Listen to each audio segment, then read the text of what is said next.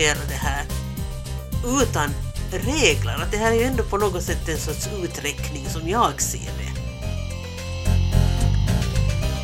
Jag tycker det farliga är när man eh, är just för att få den här maskinen att kunna lyfta upp den här pennan. Den kanske kan göra 99 gånger och den hundrade gången så slår den ihjäl alla människor omkring det här bordet.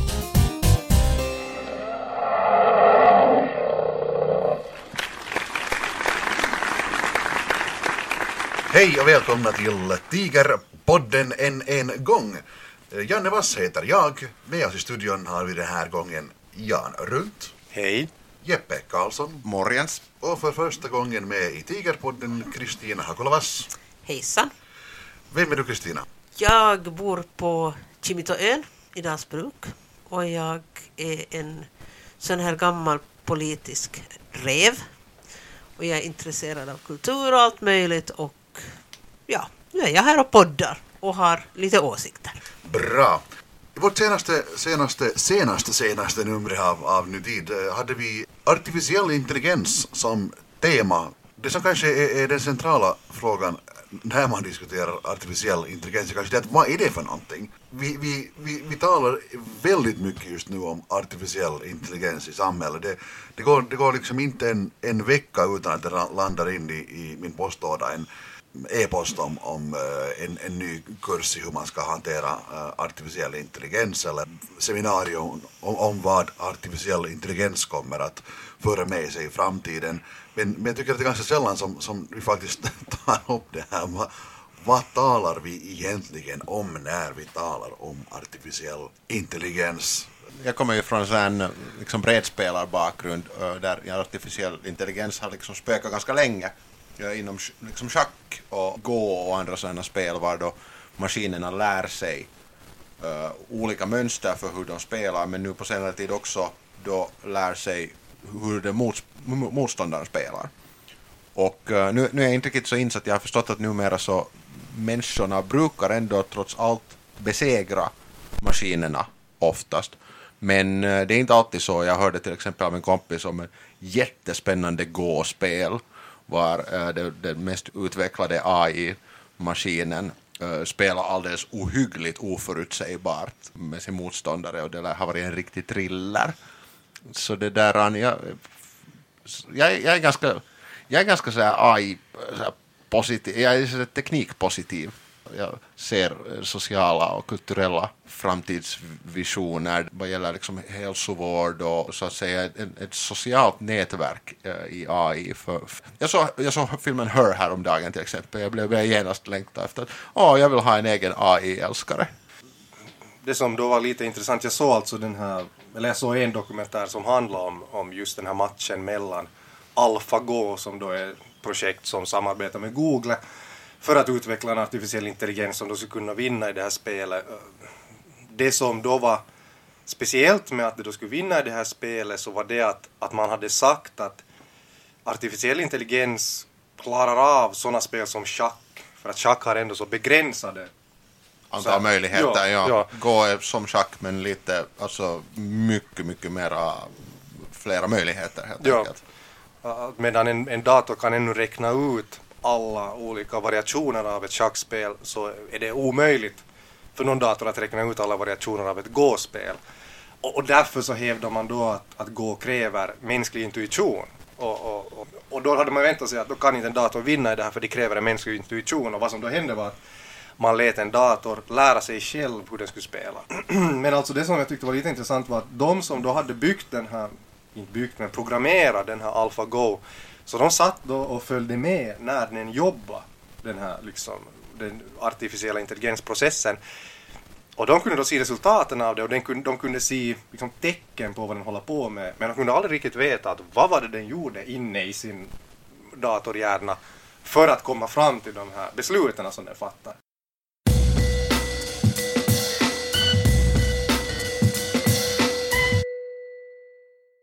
Men det som jag funderar på när jag hör er diskutera det här det är det att vad är det som kan kallas erfarenhet i artificiell intelligens?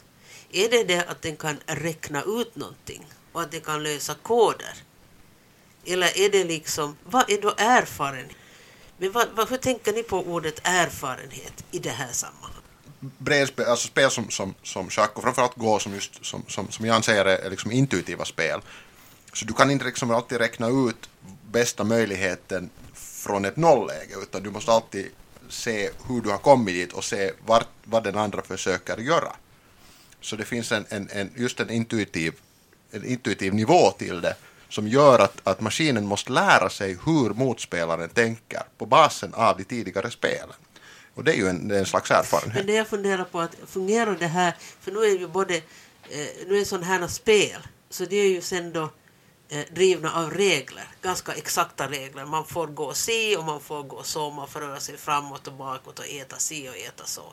Att hur fungerar det här utan regler? Att det här är ju ändå på något sätt en sorts uträkning som jag ser det, som är, är begränsat av en ram av regler.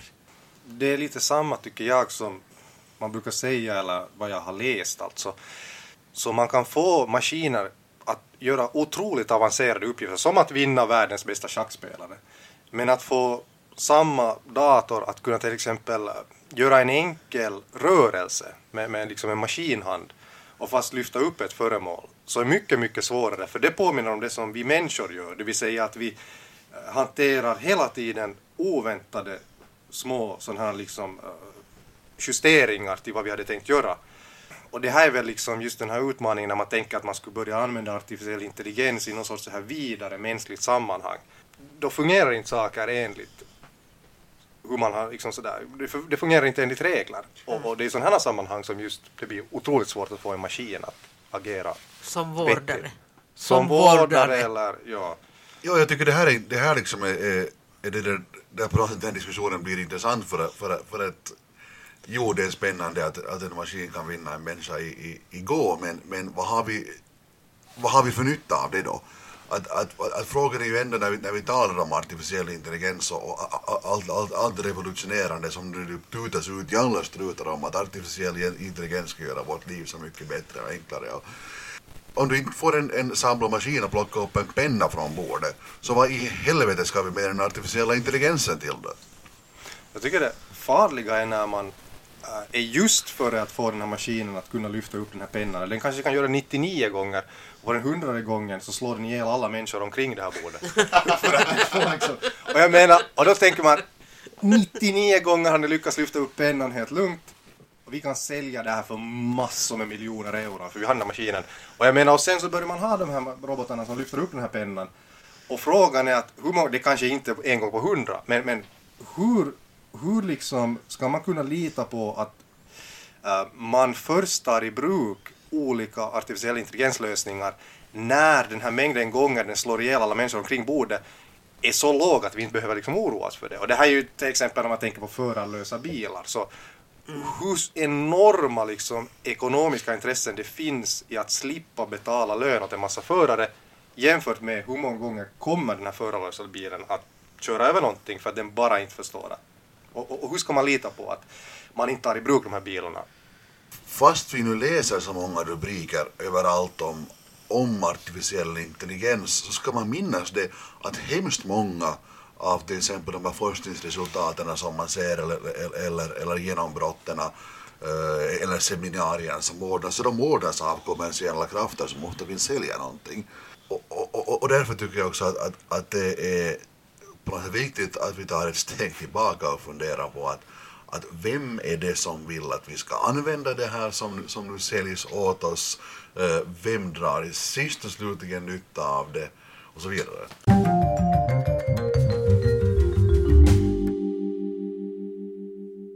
Här kom så många olika spår. Jag, jag behöver inte AI för att lyfta upp en penna åt mig. Det är inte det jag behöver den till. Utan jag använder AI till ganska mycket det som jag tycker att AI redan gör, fast den gör ju det ur kommersiella syften. Det vill säga den, den filtrerar eh, vad jag vill ha. Jag, jag menar att jag, den läser av min Gmail och jag skriver i, jag skriver i min Gmail uh, någonting om att eh, ah, jag borde köpa en ny bil. Och sen kommer jag att få i reklamen i Google bilreklamer. Det är ju, det är ju liksom en algoritm. Så jag tänker mig att liksom i mer avancerad, på ett mer avancerat plan så är AI en, en, så att säga en, stöd, en stöddator huvudsakligen som vet hur du fungerar, vilka dina behov är, uh, hela din sjukhistorik Uh, man har hört mycket skräckhistorier från bland annat mina bekanta som är, uh, sjuksköterskor till exempel, uh, som får hålla koll på alla mediciner som människor behöver. Men det fanns inte tidigare enhetliga databaser för allas medicinska historia.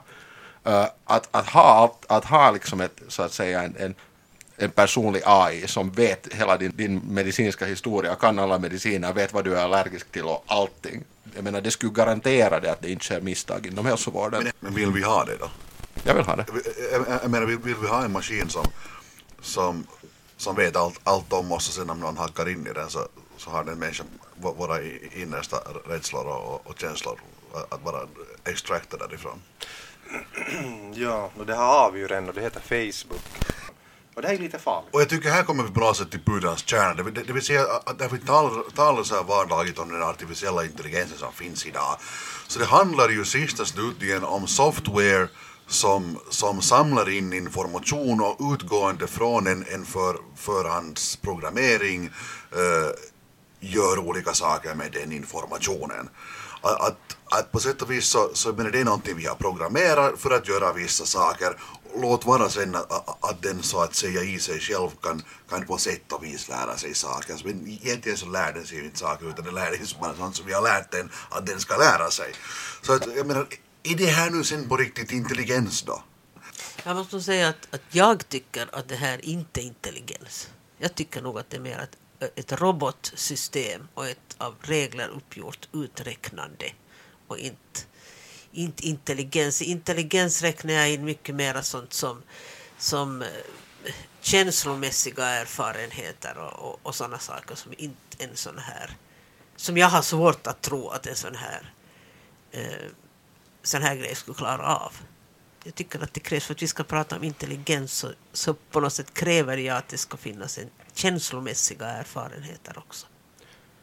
Ja, jag läste just en bok av Ray Kurzweil som är teknisk chef på Google nu för tiden. Men han har då jobbat som vad ska vi säga, utvecklare och uppfinnare inom då så här data och så vidare ända sedan 80-talet eller 70-talet. Han är det det här laget 70 men fortsätter ännu aktivt. Och han, han, han hade skrivit en bok som hette How to create a mind. Och, och där går han igenom eh, hur man nu för tiden, hur mycket man vet om, om hur människans hjärna är uppbyggd och hur man kan försöka efterapa det här med då programmering, algoritmer, kod. Eh, och det som jag tyckte var lite intressant var att han förklarar väldigt noggrant hur hjärnans neokortex, en del då av hjärnbarken, var mycket av vårt sån här rationella tänkande sker. Hur den är uppbyggd på neuronnivå. Och så visar han att hur man egentligen då skulle kan på sätt och vis efterapa det här med koder och algoritmer. Men sen tycker jag att det var en sak som han lämnade på något vis ganska intressant nog obehandlat i den här boken och det var det att, att äh, i den här järnbarken så finns det hos avancerade däggdjur som människa och vissa då sådana äh, primater, apor, äh, delfiner, sådana som uppvisar den sorts så här, liksom säga, intelligens som vi nu tycker att vi känner igen i människor, eller en viss grad av det. Så finns det förutom den här liksom väldigt då så här på något vis tydligt mönstrade neuronmassan så finns det vissa neuronbanor som går igenom och löper igenom hela det här stora mönstret och, de hette på engelska spindle neurons och de har man antagit att de har någonting att göra med känslolivet, att de är någon sorts sån här liksom kontrollbanor igenom allt vårt så här intellektuella tänkande som på något sätt ska hålla våra tankar kopplade till våra känslor. Så att inte vi liksom förlorar kontakt med det. Och sen så har man då kunnat påvisa att det finns vissa sådana här psykiska störningar som hänger ihop med att man inte riktigt har utvecklat de här banorna. Och jag tyckte också det var intressant att de här banorna utvecklas under de första åren i ett barns liv. Det vill säga under de här samma åren då det här barnet också börjar uppvisa så här socialt på något vis beteende och börjar förstå sig på att ha liksom en sån här känsla av samvete och att vad man inte får göra mot andra, att man måste förstå sig på hur den andra känner också när man gör någonting.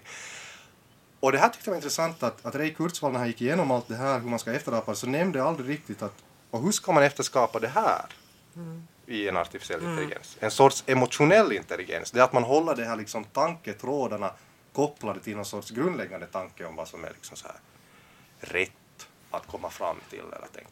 Men just den här frågan om, om liksom, du lyfter fram det här medvetande som ju är liksom en central fråga liksom just när vi, när vi talar om, om, jag menar för att ha en emotionell intelligens som vi också kanske talar om så krävs någon form av självmed, självmedvetande, eller hur?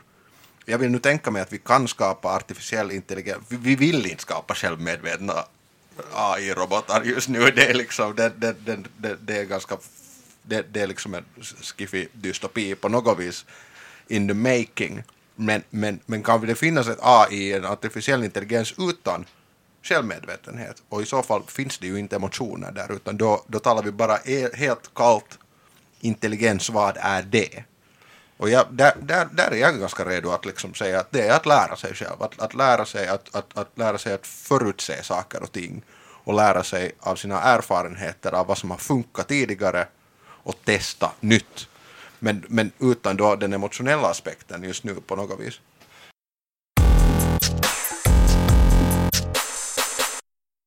Det är intressant när du säger att vi inte vill skapa ett självmedvetet artificiell intelligens för att då inbegriper du i vårt vi inte Ray Kurzweil som är teknisk chef på Google.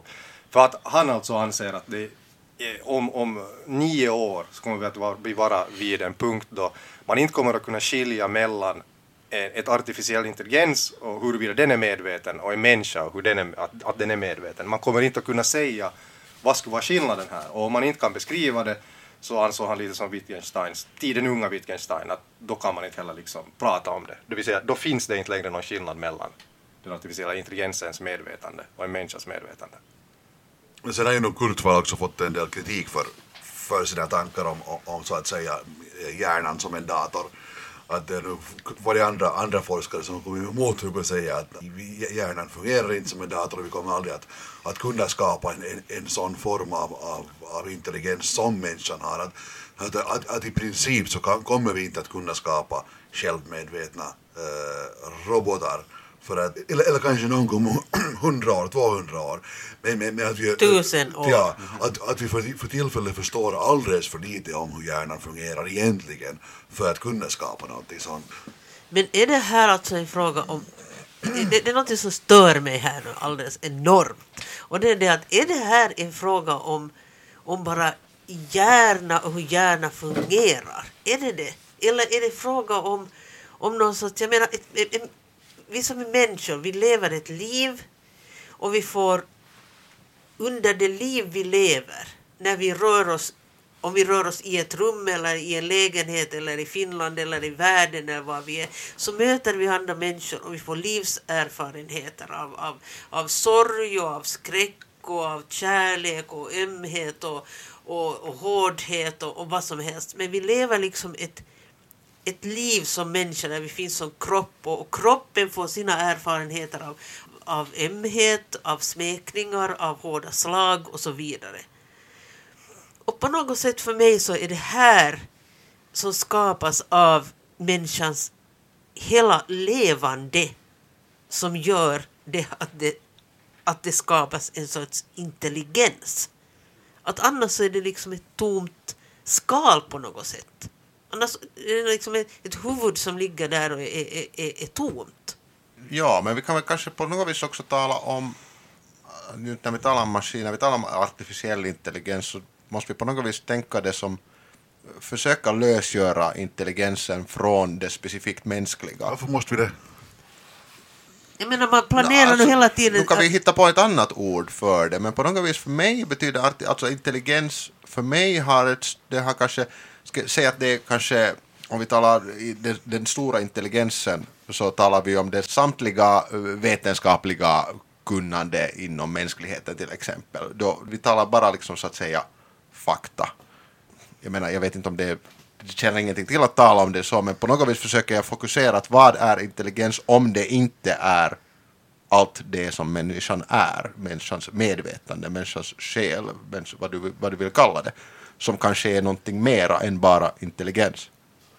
Jag ser det som, som att jag menar, man, man behöver inte ens tala om själen eh, utan eh, eh, eller liksom hela människan. Men på något sätt tycker jag att, att intelligens förutsätter en subjektivitet, en medveten subjektivitet, om man skulle kunna kalla det, kalla det för, för intelligens. Annars är det liksom, snarare det, är, är det en avancerad räknemaskin annars.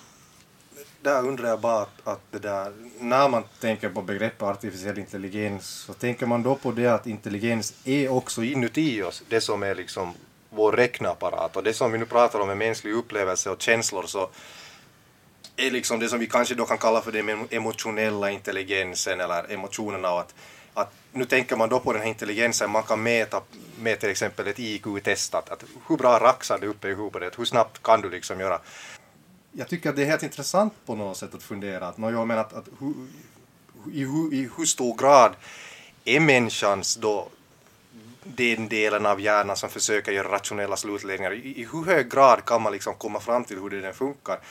Och en sak som jag tycker att, att då kan vara helt en bra poäng är ju den att inte den är ju så hemskt perfekt, att om man ska efterlikna den med en maskin, så jag menar, inte det är ju som att vi är så otroligt fiffiga inte. Vi kan vara ganska bra ibland på att liksom dra Jag till talar en- för dig själv. Ja, men jag menar det. Men jag menar liksom att, att, att är, det sen så, är det sen så otroligt svårt att nå en nivå var man kan funka ungefär lika bra som den här liksom själva rationella slutledningen i huvudet. Först. Och det är det som jag tänker att är problemet. Men då utan att man har den här liksom på något sätt emotionella och sociala kontrollen över att hur för man vidare de här tankebanorna. I, I min favorit uh, science fiction-serie, andra säsongen var nu tyvärr inte riktigt lika fin som den första, men Westworld på HBO, tycker jag en fantastisk serie om just det här med det är en värld av, av uh, så att säga robotar uh, som lever i sin egen, vad de kallar för loop. Ungefär, det är lite oklart, att är det en dag eller är det två dagar? Det, det, det, det specificeras inte så tydligt, men jag tycker inte det är så viktigt för historien. Eh, alla minnen före, alla, hela bakgrunden är fabricerad. Och de lever, börjar alltid om. Och, eh, och, och det, den, den behandlar väldigt mycket det här, vad är en, en robot och när blir, när blir en, en, en, en robot en människa? Eller när blir, när, när blir man självmedveten? Och jag tyckte de specificerar ganska bra på något vis. De, hade, har, de jobbar med några grundelement. Du har ditt, så att säga, ditt, ditt ankare, uh, cornerstone, som de talar om på, på, på, där i, i serien, som är den händelse som på något vis definierar dig som människa, som kommer att styra dina beslut uh, i något skede. Det är ofta en traumatisk händelse eller en, en stor kärlek eller någonting. Och det de här karaktärerna, de här robotarna kretsar runt den här sin cornerstone. Och det är liksom den här, det, det, är något, det är något väldigt grundläggande i den du är.